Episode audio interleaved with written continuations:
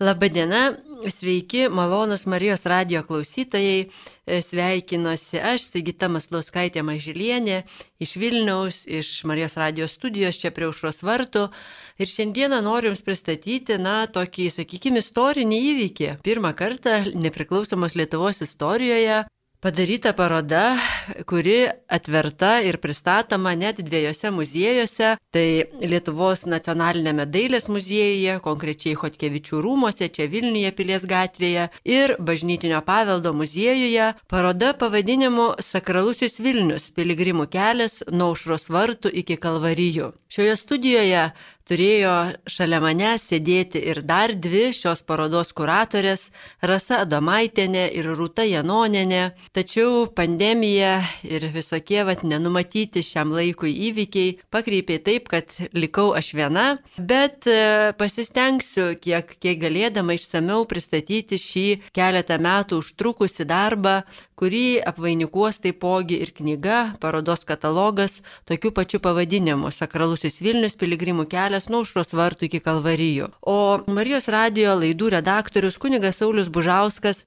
paprašė pristatyti šią parodą, žinoma, ne tik dėl to, kad tai yra paroda ir toks, na, istoriniam atminties pamaldumo įvykiui skirtas didelis renginys, bet dar ir dėl to, kad Vilniuje sėkminių laike yra iki šiol gyva tradicija eiti kryžiaus kelio stotis, kryžiaus kelią Vilniaus Jeruzalėje.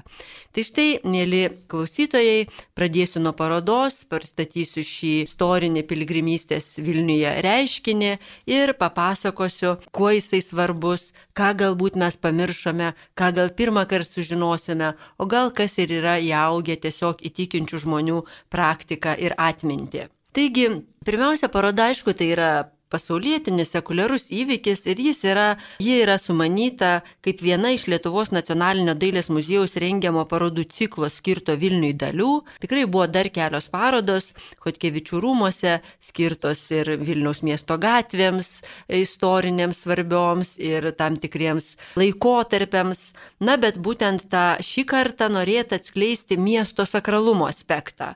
O kalbant apie sakralumo ženklus Lietuvos sostinėje, galima pasirinkti įvairius pjūvius, atspindėti įvairių religinių konfesijų įnašą. Dėl konkrečiai parodos apimties atsisto, apsistota prie katalikiškojo paveldo objektų. Vilnius iki dabar garsėja kaip bažnyčių ir vienuolynų miestas ir sakralinė katalikų architektūra nebejotinai yra viena svarbiausių meninio šio miesto vaizdo dominančių. Taip rašo parodos anotacijoje viena iš kuratorių Rasa Adomaitinė. Na, man pačiai buvo atradimas, kažką gal žinojau giliai, giliai ten kažkur atmintyje krepždėjo, bet kad taip suvokti, jog Kalvarijos, Jeruzalės, Vilniaus Kalvarijos yra piligriminės kelias, yra susijęs būtent su tokia plačia geografija, ne tik konkrečiai su tuo rajonu ir su, tuo, su ta vieta vadinamąją Vilniaus Jeruzalė. Tai tikrai man buvo, na, toks kaip ir atsivėrimas ir atradimas, atsivėrė akis. Na ir nuo kurgi prasidėdavo toji piligriminė kelionė kelionė, o štaigi prasidėdavo, na, nuo čia, kur aš dabar kalbu. Taigi nuo aušros vartų. Aušros vartai su malonėmis garsėjančių gailestingumo Dievo motinos paveikslu yra viena garsiausių piligrimų lankomų vietų Lietuvos sostinėje. Visi žinome, kad šis paveikslas gerbiamas ne tik Romos, bet ir graikų apieigų katalikų, taip pat stačiatikių, jis brangus Lenkų, Baltarusų tautybės tikintiesiems, aišku ir lietuviams. Kalvarijų tema pasirinkta dėl to, kad šis išskirtinis ansamblis įkurtas Vilniaus Vilniaus vyskupui priklausiusiose Verkių žemėse kelis šimtmečius buvo gyvas tikinčiųjų traukos centras. 17-18 amžiuje suformuotas Kalvarijų ansamblis dėl savo gamtinio reljefo, panašumo į teologų raštuose prašytą Kristaus laikų Jeruzalę, taip pat dėl per šventinimo apėgas ant takelių išbarstytos iš Jeruzalės parvežto žemės ir dėl sakralinio kryžiaus kelio stočių ansamblio buvo suvokiamas kaip simbolinė šventosios žemės kopija. Panašiai ir šventieji atvaizdai, kurie perimdavo originalui būdingas sakralaus objekto galės ir funkcijas. Taigi šis sakralinis ansamblio turinys labiausiai atsiskleisdavo per kryžiaus kelio apėgas, kai keliukose tarp koplyčių pasklisdavo maldininkų ir piligrimų būreliai. Kaip anuomet, taip ir dabar dar jie pasklinda, tik tai jau ne nuo aušros vartų prasideda piligriminė kelionė, o konkrečiai, na, toje jau Vilniaus kalvarijų geografinėje erdvėje. Svarbi ir memorialinė Vilniaus kalvarijų paskirtis. Jos primena ne tik pasaulio išganimo istoriją, bet ir konkretų Lietuvos istorijos epizodą. Nes Vilniaus kalvarijos buvo įkurtos Vilniaus išvadavimu iš Maskvieno okupacijos 1662 metais atminti. Taigi yra tokia votyvinė funkcija. O nepaisant caristinės valdžios suvaržymų XIX amžiaus antrojoje pusėje ir sovietų valdžios bandymų visai sunaikinti kompleksą, dauguma koplyčių buvo susprogdintos 1962-63 metais, piligrimystės į šią vietą tradicija išliko ir su visu tokiu jau gaivumu atgimė Lietuvai atgavus nepriklausomybę.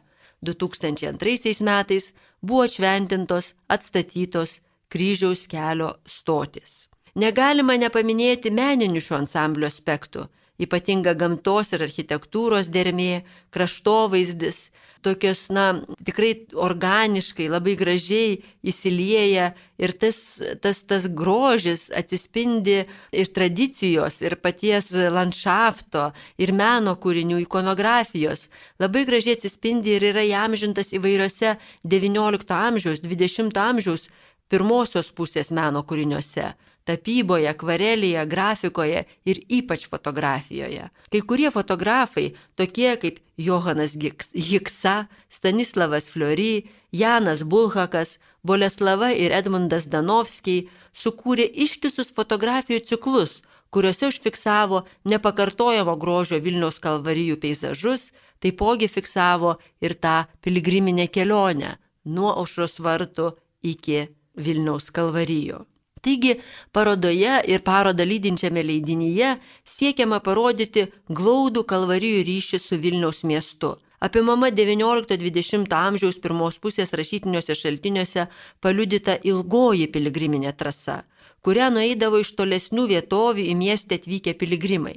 Taigi, kaip jau kelis kartus pabrėžiau, tradiciškai kelias prasidėdavo nuo aušros vartų, eidavo po, pro Kristaus laiptų koplyčią prie Vilniaus Bernardinų bažnyčios, tada pro kryžių nešančio Kristaus koplytėlę Šnipiškėse, taigi žalesis tiltas, Šventojo Arkangelo Rapolo bažnyčia, priešais kurią stovi Šnipiškių koplytėlė, tiksliau stovėjo, na ir toliau eidavo keliu, tokiu vieškeliu, pro sodybas, pro vienkėmius, ilgainiui tas vieškelis, tas kelias virto Kalvarijų gatve. Kartu primenami miesto centre esantis ar buvę itin reikšmingi krikščioniškosios Vilniaus tapatybės paminklai. Bernardinų bažnyčio šventorija 17-18 amžiuje egzistavo kalvarija, iš kurios iki mūsų dienų išliko tik minėtoji Kristaus laiptų koplyčia ir netoli Švento Rapolo bažnyčios nuo 18 amžiaus pradžios iki 1950 metų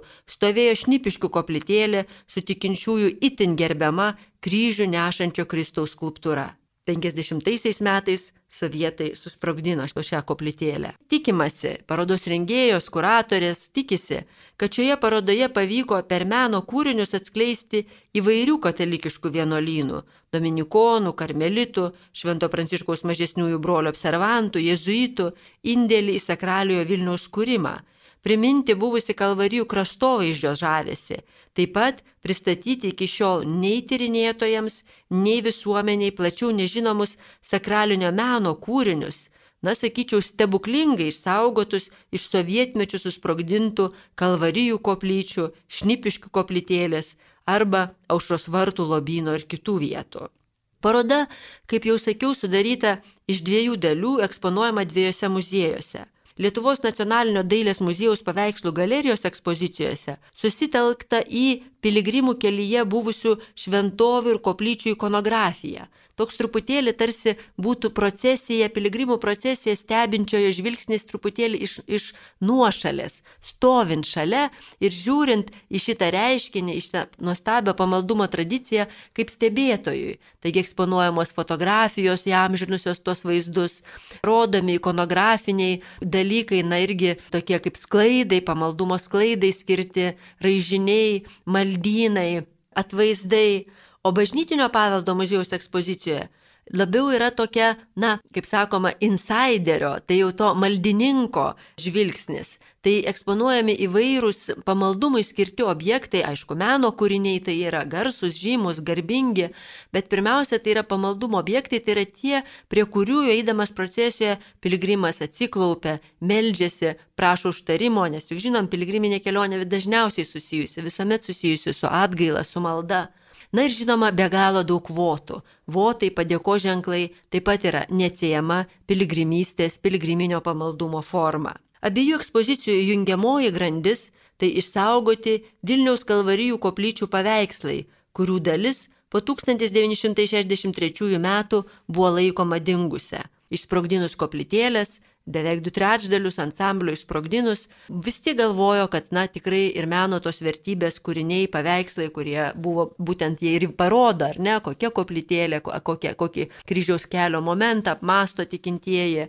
Na va, ir štai jos buvo netikėtai surastos ir dabar restauruotos, nors ir su brutaliais sovietinio ateizmo paliktais niekinančiais ženklais, keiksmažodžiais, rusiškais, visokiais, žodžiu, tikrai, tikrai daug tų paniekos ženklų, tokio vandalizmo aktai jie yra šiek tiek retušuoti, bet palikti vardan istorinės tiesos. Taigi, nuo užros vartų iki kalvarijų piligriminio kelio objektai. Naudodamas eteriu pasidalinsiu Rūtos Janoninės kūruotos parodos ir rengiamo teksto dalimi būtent apie verkių Vilniaus kalvarijas. Tikrai artėja sėkminės, galbūt ne daugelis Marijos radio klausytojų, jeigu ypatingai atsilaisvins pandeminiai gniauštai, eisime, dalyvausime šioje procesijoje. Taigi reiktų prisiminti, kad ankstyviausia žinia apie procesiją iš Vilniaus į Verkių kalvarijas mus pasiekė iš 1664 m. balandžio 11 dienos. Tai didysis penktadienis buvo tuo metu, 1664 metais, ir kalvarijų steigėjas vyskupas Jurgis Belozoras kurio portretas išsaugotas Kalvarijų bažnyčioje ir dabar atvežtas į parodą bažnytinio paveldo muziejaus dalyje. Taigi Jurgis Belozoras vadovavo procesijai iš Vilnius į Verkius ir ragino Vilniečius iš visų bažnyčių po rytinių pamaldų prisijungti prie eisenos. Nuo 1669 metų kalvarijos buvo perdotos Vilniaus šventosios dvasios vienuolynui ir domininkonai buvo įpareigoti per visas švento kryžiaus šventes organizuoti iškilmingą procesiją iš šventos dvasios bažnyčios Vilniuje į kalvarijas. Taip pat kartą per metus apeiti sopulingosios Dievo motinos takelius, būtinai dalyvaujant ir prie šventosios dvasios bažnyčios veikusiai šventojo rožinio arkibrolyjei. Atrodo, greitai procesijas rengti pradėjo ir prie kitų bažnyčių veikusios brolyjos. Pavyzdžiui, žinome, kad nuo 1670 metų Vilniaus visų šventųjų bažnyčios škaplėriaus arkibrolyje kalvarijas kasmet lankydavo du kartus per metus - Švento kryžiaus atradimo dieną, gegužės 3 ir per Švento kryžiaus išaukštinimo iškilmę rugsėjo 14 dieną. Procesijoje buvo nešami kryžiai, vėliavos, altorėliai, maldininkus lydėdavo muzikantai, trimitininkai, būgnininkai. Pamažu piligrimų geografija platėjo. Ir žinome, kad XIX amžiaus viduryje į Vilniaus kalvarijas išsirengdavo maldininkai iš tolimųjų parapijų, atvykdavo ne tik iš Vilniaus viskupijos, bet ir Žemaitijos, netgi Lenkijos. Kiekvienas kaimas sudarydavo atskirą grupę. Pasak amžininkų liudijimų, tokie piligrimų žygiai nebuvo lengvi Valstiečiai eidavo pėsčiomis, neretai neždamiesi maišeliuose tik duonos, nakvodami ant pakelės samanų. 1869 m. dienoraštyje Edvardas Jonas Riomeris vaizdingai prašė maldininkų prigužėjusi Vilnių. Jau keletą dienų mieste pastebimas kaimo žmonių antplūdis. Pėsčiomis raiti ir važiuoti. Vakar visos gatvės ir dar labiau visos bažnyčios jau buvo pilno žmonių labai daugelio namų, kuriuose gali, gali, priglaust, gali prisiglausti valstiečiai, kiemuose stovi arkliai, ėdantis prie iškinkytų vežimų ir žmonės taip pat stiprinasi čia pat ant grindinio. Visi traukia į kalvarijas prie Vilniaus, į sėkminių atlaidus ir iš pažinties. Tai kasmetinė piligriminė kelionė, bet atrodo, kad dabar, kai katalikų tikėjimo persekiojimas rūščiai prispaudo žmonės, žymiai skaitlingesnė. Pamaldų žmogelis su maisto terbele pririšta prie jos mens kelionę atlieka 30 mylių spinduliu. Policija vilkinti munduriais gausiai sutelkta pagrindinėse gatvėse uoliai sukinėjasi ir nežinia, ko tai būdi. Ko gero nori, kad jos gale būtų labiau tikima nei apaštališka bažnyčia. Tokia citatos pabaiga iš Edvardo Jono Riomerio prisiminimų.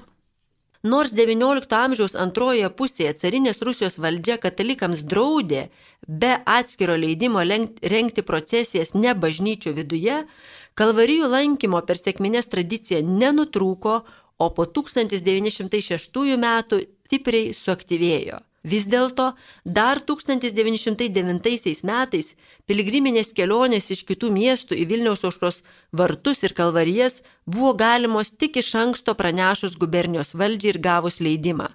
1910 metais aplinkraštyje priminta, kad tokių procesijų negali lydėti orkestrai, cechų vėliavos ar raiteliai. Tačiau draudimai nesumažino maldininkų skaičiaus, minima, kad vien 1911 gegužės 22 maldininkų kelionėje Vilniaus kalvarijas dalyvavo apie 4-500 Vilniaus lietuvių, o kitą dieną apie 2000 lietuvių iš Nemaniūnų. Jei piligrimai turėdavo pereiti Vilnių, būtinai sustodavo prie aušros vartų.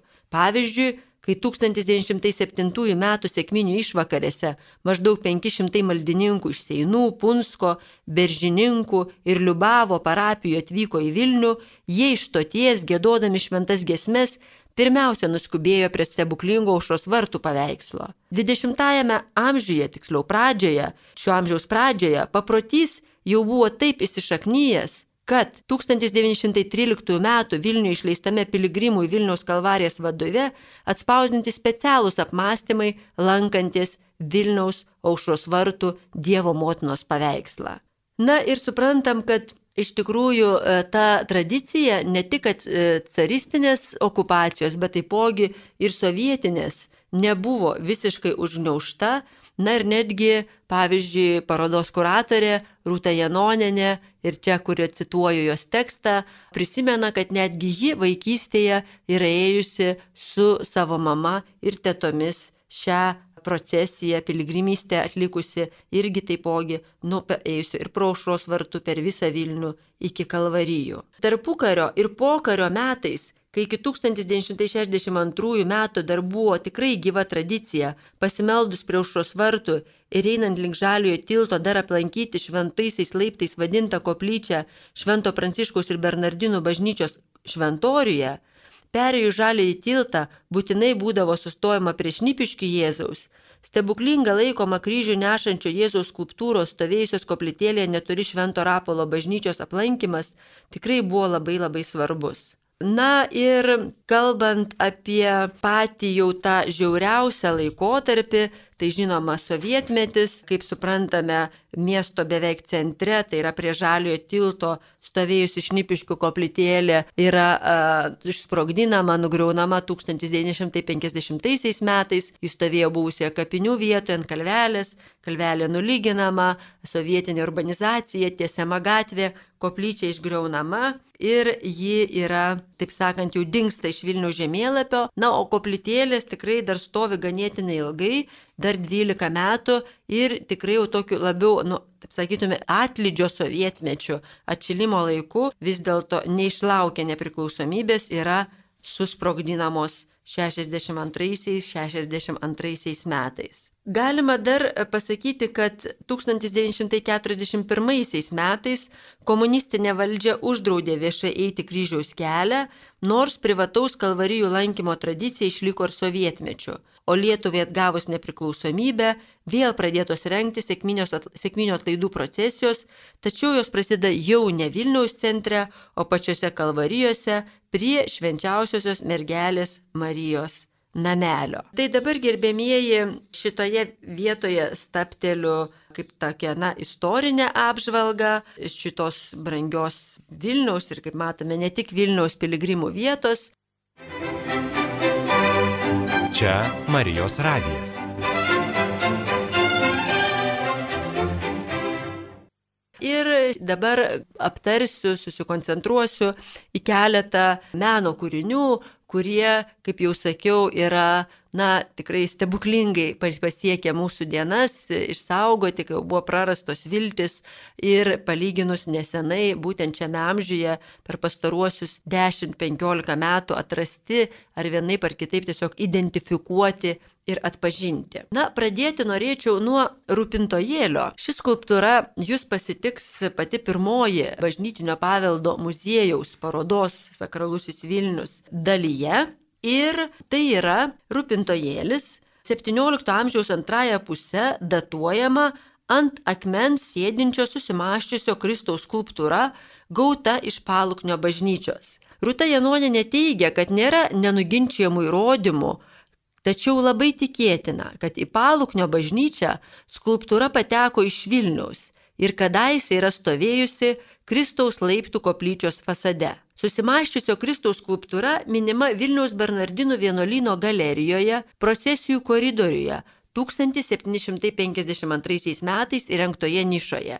Didelė tikimybė, kad ji čia atkelta iš šventorijoje buvusios Kristaus kalėjimo koplyčios, nes nuo 1749 metų Kalvarija Bernardinų šventorijoje nebebuvo apvaikštoma užsiminiau taip, kad buvo ir Bernardinų bažnyčios, nu galim sakyti, šventorijo kalvarija, kuri pirmiausia apgrauta per 17 amžiaus vidurio karus, vadinama Itvaną, kurio vat, išdava ir yra kaip votas, kaip padėka Vilniaus kalvarijos. Ir paskui jau 19 amžiuje visiškai nugrauta, taigi nebebuvo apvaikščiojama. Po vienolyno pirmojo aukšto rekonstrukcijos 18 amžiaus 70-ame dešimtmetyje ši Kristaus susimašiusio Kristaus skulptūra buvo perkelta į kitą vietą, o kažkuriuo metu ji buvo įkelta į Kristaus laiptų koplyčios fasado nišą ir čia išbuvo iki 1873 metų, taigi kuomet jau caras visiškai uždarė ir panaikino ir išvyjo Bernardinus. Tai kodėl menotyrininkė Rūta Janonenė, na, kaip sako, nėra nenuginčiamų įrodymų, tai pirmiausia dėl to, kad, na, nėra fotografijų, nėra kažkokios, na, ikonografijos, vaizdų fiksuojančių, bet tai, ką aš čia, na, taip sakant, perskaičiau jos tekste ir yra remiamasi bažnyčios inventoriumi, bažnyčios istoriniais, archyviniais dokumentais, na, tikrai, tikrai kelia tokį, na, tikėjimą ir manima, kad tai būtent šitas rūpintojėlis, nes į Paluknio bažnyčią pateko ir daugiau Vilniaus Bernardinų uždarytos bažnyčios vertybių, meno kūrinių. Toliau kitas labai svarbus ryškus eksponatas ir netgi eksponatas ne vienaskaitoje, o daugiskaitoje, tuoj pamatysite kodėl, tai yra šnipiškių Jėzaus koplytėlės istorija ir kryžių nešančio Jėzaus skulptūra. Gerbiami klausytojai, pradėsiu citata iš žymaus rašytojo, istoriko Adomo Honorijo Kirkoro knygos pasivaikščiojimai po Vilnių, nuo jo tokios citato. Už tilto kairėje stuksojo didelė mūrinė bažnyčia, o priešais ją ant kalvos mūrinis bokštelis su stogeliu, po kuriuo matyti skausminga kryžių nešančio išganytojo figūra. Čia kitado stovėjo šventojo Jono Nepamuko statula, tačiau laikui bėgant ji gerokai apiro. Tada tuometinis bažnyčios rektorius kunigas Jėcintas Ptakas, bažnyčios, tai kalbame čia, aš įterpiu dabar savo pastebėjimą apie jėzuitų Švento Arkangelo Rapolo bažnyčią ir jėzuitą kunigą Jėcintą Ptaką, kuris 1719 metais sumanė pastatyti naują, bet Šio darbo ėmėsi skulptorius sukūrė išganytojo skulptūrą.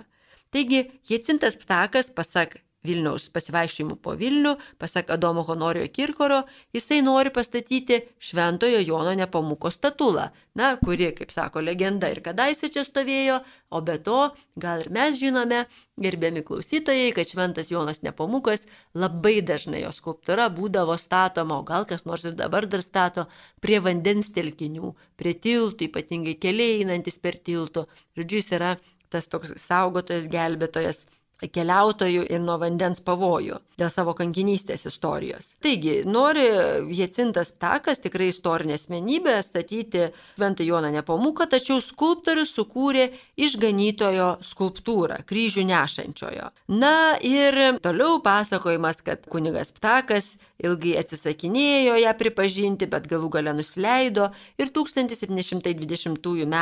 gegužės 9 d. pašventino ir skulptūrą, ir koplytėlę, į kurią ji buvo iškilmingai įmūrita. Taigi, kryžių nešančio skulptūra, pasak legendos, atsirado neplanuotai. Ja kūrusiam skulptoriui nepaklusus užsakovo. Ji pakeitė Švento Jono nepamuko atvaizdą. Vilniaus padavimas byloja, kad Vilnietis skulptorius Jonas, kuriam jezuitai buvo užsakę sukurti Švento Jono nepamuko skulptūrą, sapne išvydo Kristų raudonais drabužiais, su kryžiumi ir pečių. O Kristus įsakęs padaryti statulą ne kitokią, o tokią, kaip mane dabar matai, ir pažadėjęs apsaugą nuo lygų skulptoriui ir jo šeimai. Taigi atsakymas į klausimą, kodėl Švento Arkangelo Rapolo bažnyčios šeimininkai jezuitai šio šventojo vietoje pastatė Jėzų su kryžiumi, greičiausiai slypi 18 amžiaus pradžios Vilniaus aktualijose. O tos aktualijos yra tokios, nykios, gūdžios. 1710 metais Vilniuje siautė ir daugiau nei 30 tūkstančių Vilniečių gyvybių nusinešė maro epidemija. Taip, taip panašiai kaip mūsų laikais COVID nusinešė labai daug Vilniečių gyvybių. Tais pačiais metais labai labai šalta žiema sukėlė didžiulį nederlių ir badmetį. Išaugo piligriminių kelionių į Vilniaus kalvarijas reikšmė. Permaldavimo ir atgailos piligrimystė turėjo skatinti žmonių troškimą matyti kenčiančio Kristaus atvaizdą. Ir toks jis buvo sukurtas.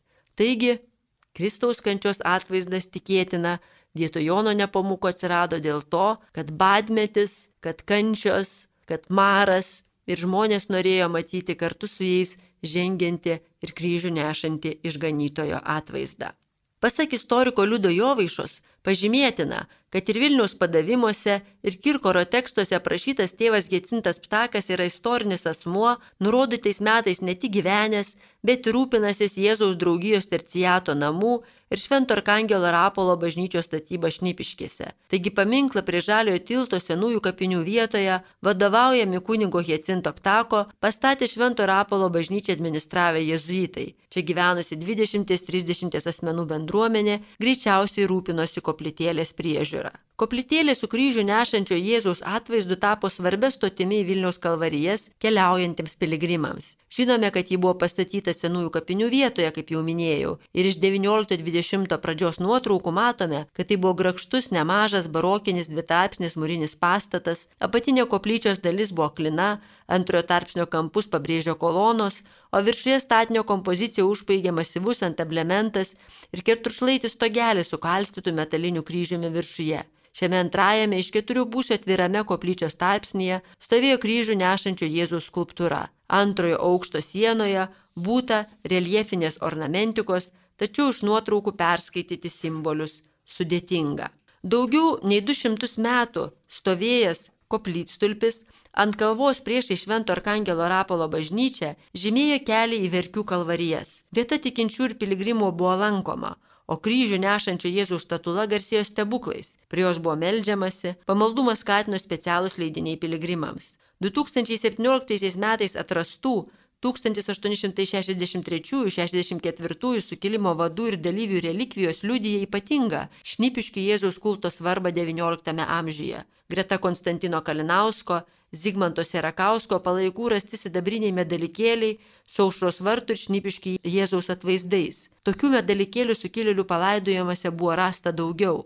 Taigi, tas, na, toks iš tikrųjų aktualumas ir pamaldumas yra labai akivaizdus XIX amžiuje būtent šiam kryžių nešančio išganytojo atvaizdui.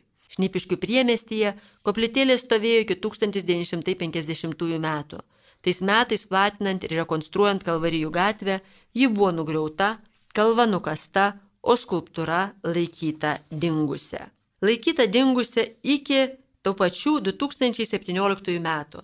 2017 metais, kaip jau gal išgirdote ir įsidėmėjote, atrasti sukilimo, XIX amžiaus sukilimo vadų ir dalyvių palaikai Vilniuje ant Gedimino kalno. O tais pačiais metais Švento Rapolo bažnyčios Rusija buvo rasta prastos būklės skulptūra ir ji atpažinta ir ten tarnaujančių žmonių, Rapolo bažnyčioje tarnaujančių žmonių įvardinta kaip žymioji Jėzaus statula iš Nipiškių koplyčios. Meniškas, nors ir svarbės detalės praradęs atvaizdas taip pat sulaukė restauratorių ir tyrinėtojų dėmesio. Dalia Vasiliūnė nepastebi, ant skulptūros tebėra ankstesnės polichrominės likučių, gerai matosi raudonų dažų pėdsakai ant drabužio. Restauracijos metu figūros nugaroje aptiktai rešta 1855 metų data.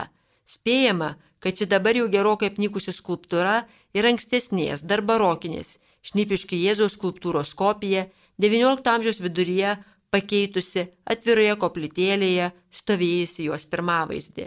Vis dėlto, greta šio atradimo džiaugsmo kirbėjo klausimas ir rengiančią parodą tenktas į šį klausimą atsakyti – Ar tikrai šis puikus, talentingos skulptoriaus sukurtas atvaizdas yra tikrasis šnipiškių Jėzus, XIX amžiaus viduryje pakeitė senesnį atvaizdą? Klausimą kelti skatino 1873 m. Juzefo Čechavičiaus, 1912-15 m. Jano Bulhako šnipiškių koplyčios nuotraukos. Daug jų tikrai gausu.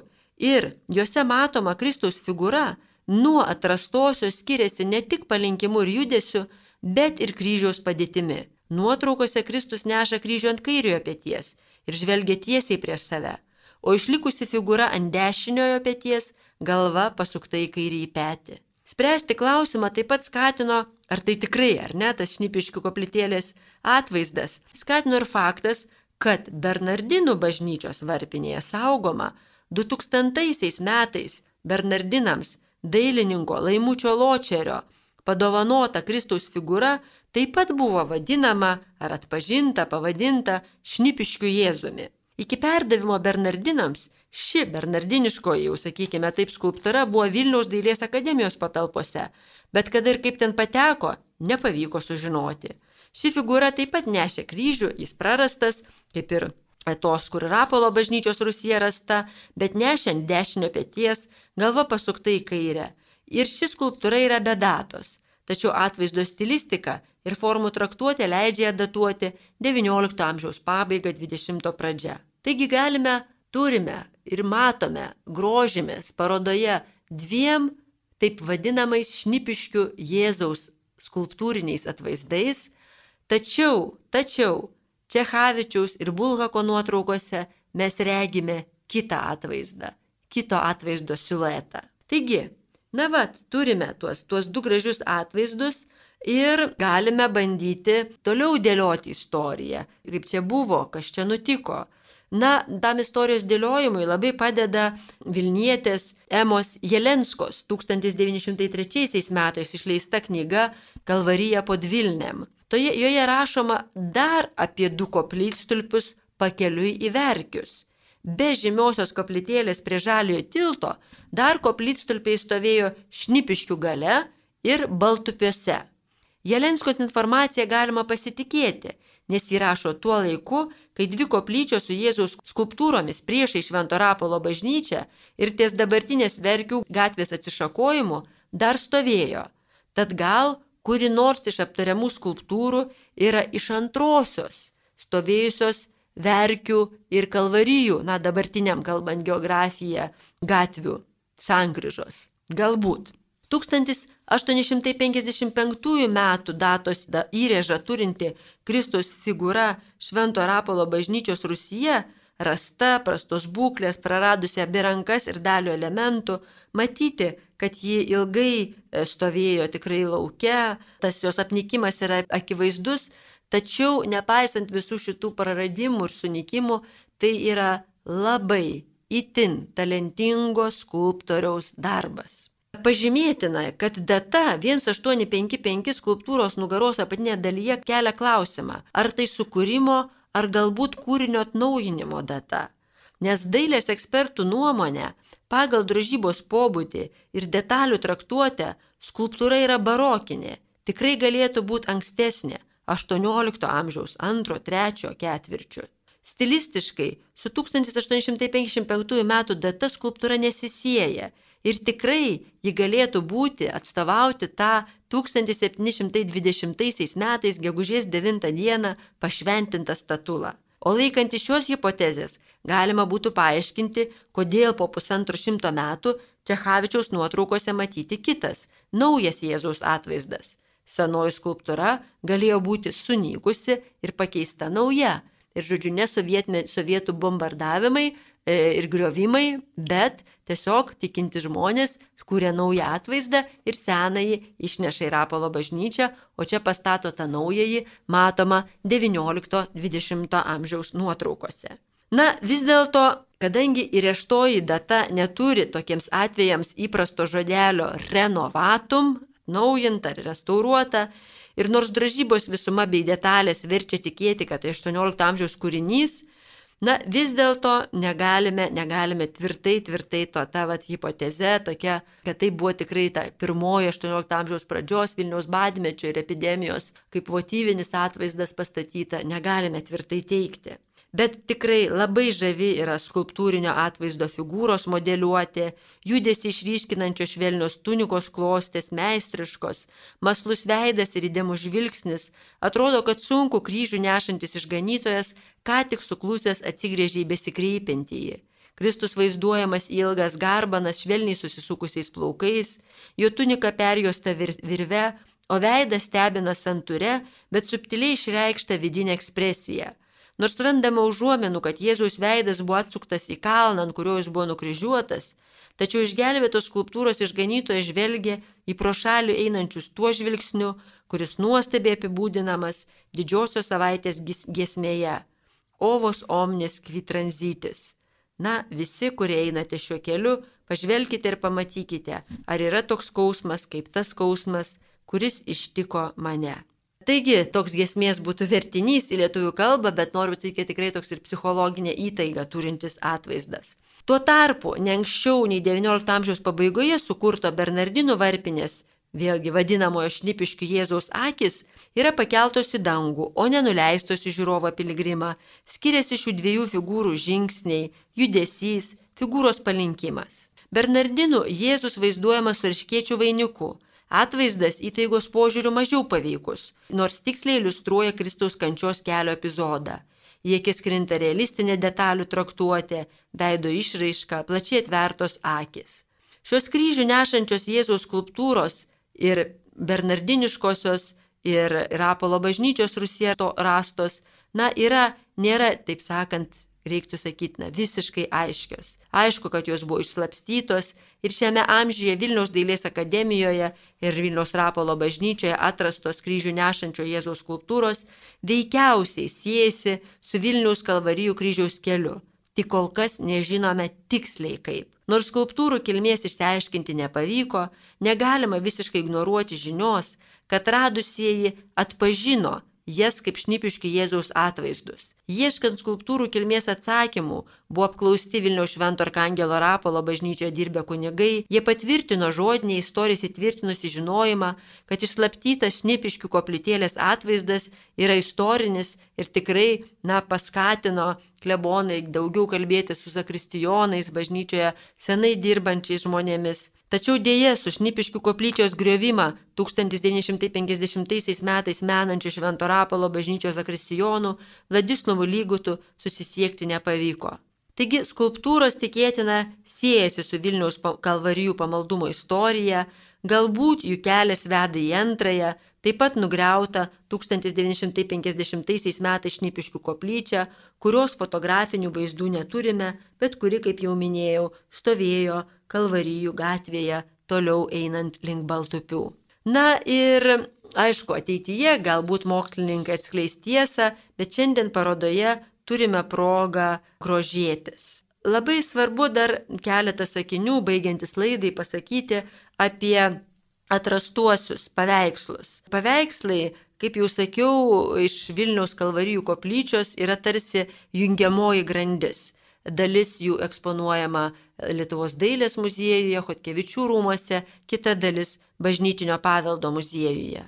Šie paveikslai buvo atrasti Dailės muziejaus sandėliuose ir perduoti bažnyčiai 2014 metais Kalvarijų bažnyčios klebonas, tuometinis klebonas, kuningas Ruslanas, išeksponavo tvarkingai, teisingai Kalvarijų bažnyčios renovuotoje palėpėje, tačiau apie šitos atvaizdus žinojo, na, tik nedidelė arba tiesiog Kalvarijų bažnyčios parapijos bendruomenės dalis. O šiuo, šią progą, štai parodos progą, tikrai galima plačiau sužinoti, perskaityti, apžiūrėti, palyginti, juolab, kad rengiantis parodai, Gudino restauravimo centro profesionalai, restauratoriai ir Vilnius arkiviskupijos restauravimo centro restauratoriai jas, na taip sakytume, sutvarkė, nuvalė, kaip minėjau, truputėlį retušavo kai kuriuos tos nuožmėjo teizmo niekinimo ženklus. Taigi yra tikrai graži proga visą tai apžiūrėti, juolab, kad Rūta Janoninė identifikavo kelių atvaizdų autorius, garsusis amžiaus pradžios bažnyčių menininkas, tapytojas Bilziukevičius, jo teptukui priskiriamos tikrai drąsiai dvi meistriškai nutapytos kryžiaus kelio stotis. Na, taipogi dar porą pavardžių, kiti galbūt mažiau ten ar, ar tiesiog gal pameistriai kokie dirbo, tokio meninio jau ypatingo grožio nėra, bet svarbiausia yra vis viena, tas, tas toks, na, gyvybingumas tiek mūsų tos istorijos, kuri atrodo jau buvo su, užgniaušta, sutripta, pamiršta, susprogdinta, viskas nykia, išnykia, tačiau štai pamažu randasi ir netgi grįžta į pamaldumo erdvę, į praktiką. Iš muziejaus tai yra, turiuomenį, iš šitos vat, patogios, estetiškai pasigrožėti, atpažinti, pasimokyti skirtos erdvės, vėliau visi paveikslai ir vertybės grįž į savo bažnyčias atlikti tikrosios funkcijos. Tai atsisveikinu su jumis, gerbiami Marijos radio klausytojai, linkiu sveikiems sulaukti šventų sėkminių ir sudalyvauti piligriminėje procesijoje, piligriminėje kelionėje Vilniaus verkių kalvarijose, o kai kas galbūt netgi ir išdrys nepagailės kojų, kaip senovės piligrimas, naušros vartų, pro Bernardino Kristaus laiptų koplyčią, pro Šnipiškių jau neišlikusią, bet, na, pro Rapolo bažnyčią, pro Šnipiškių rajoną, pėsčiomis nukeliauti iki Vilniaus Jeruzalės. Sudė.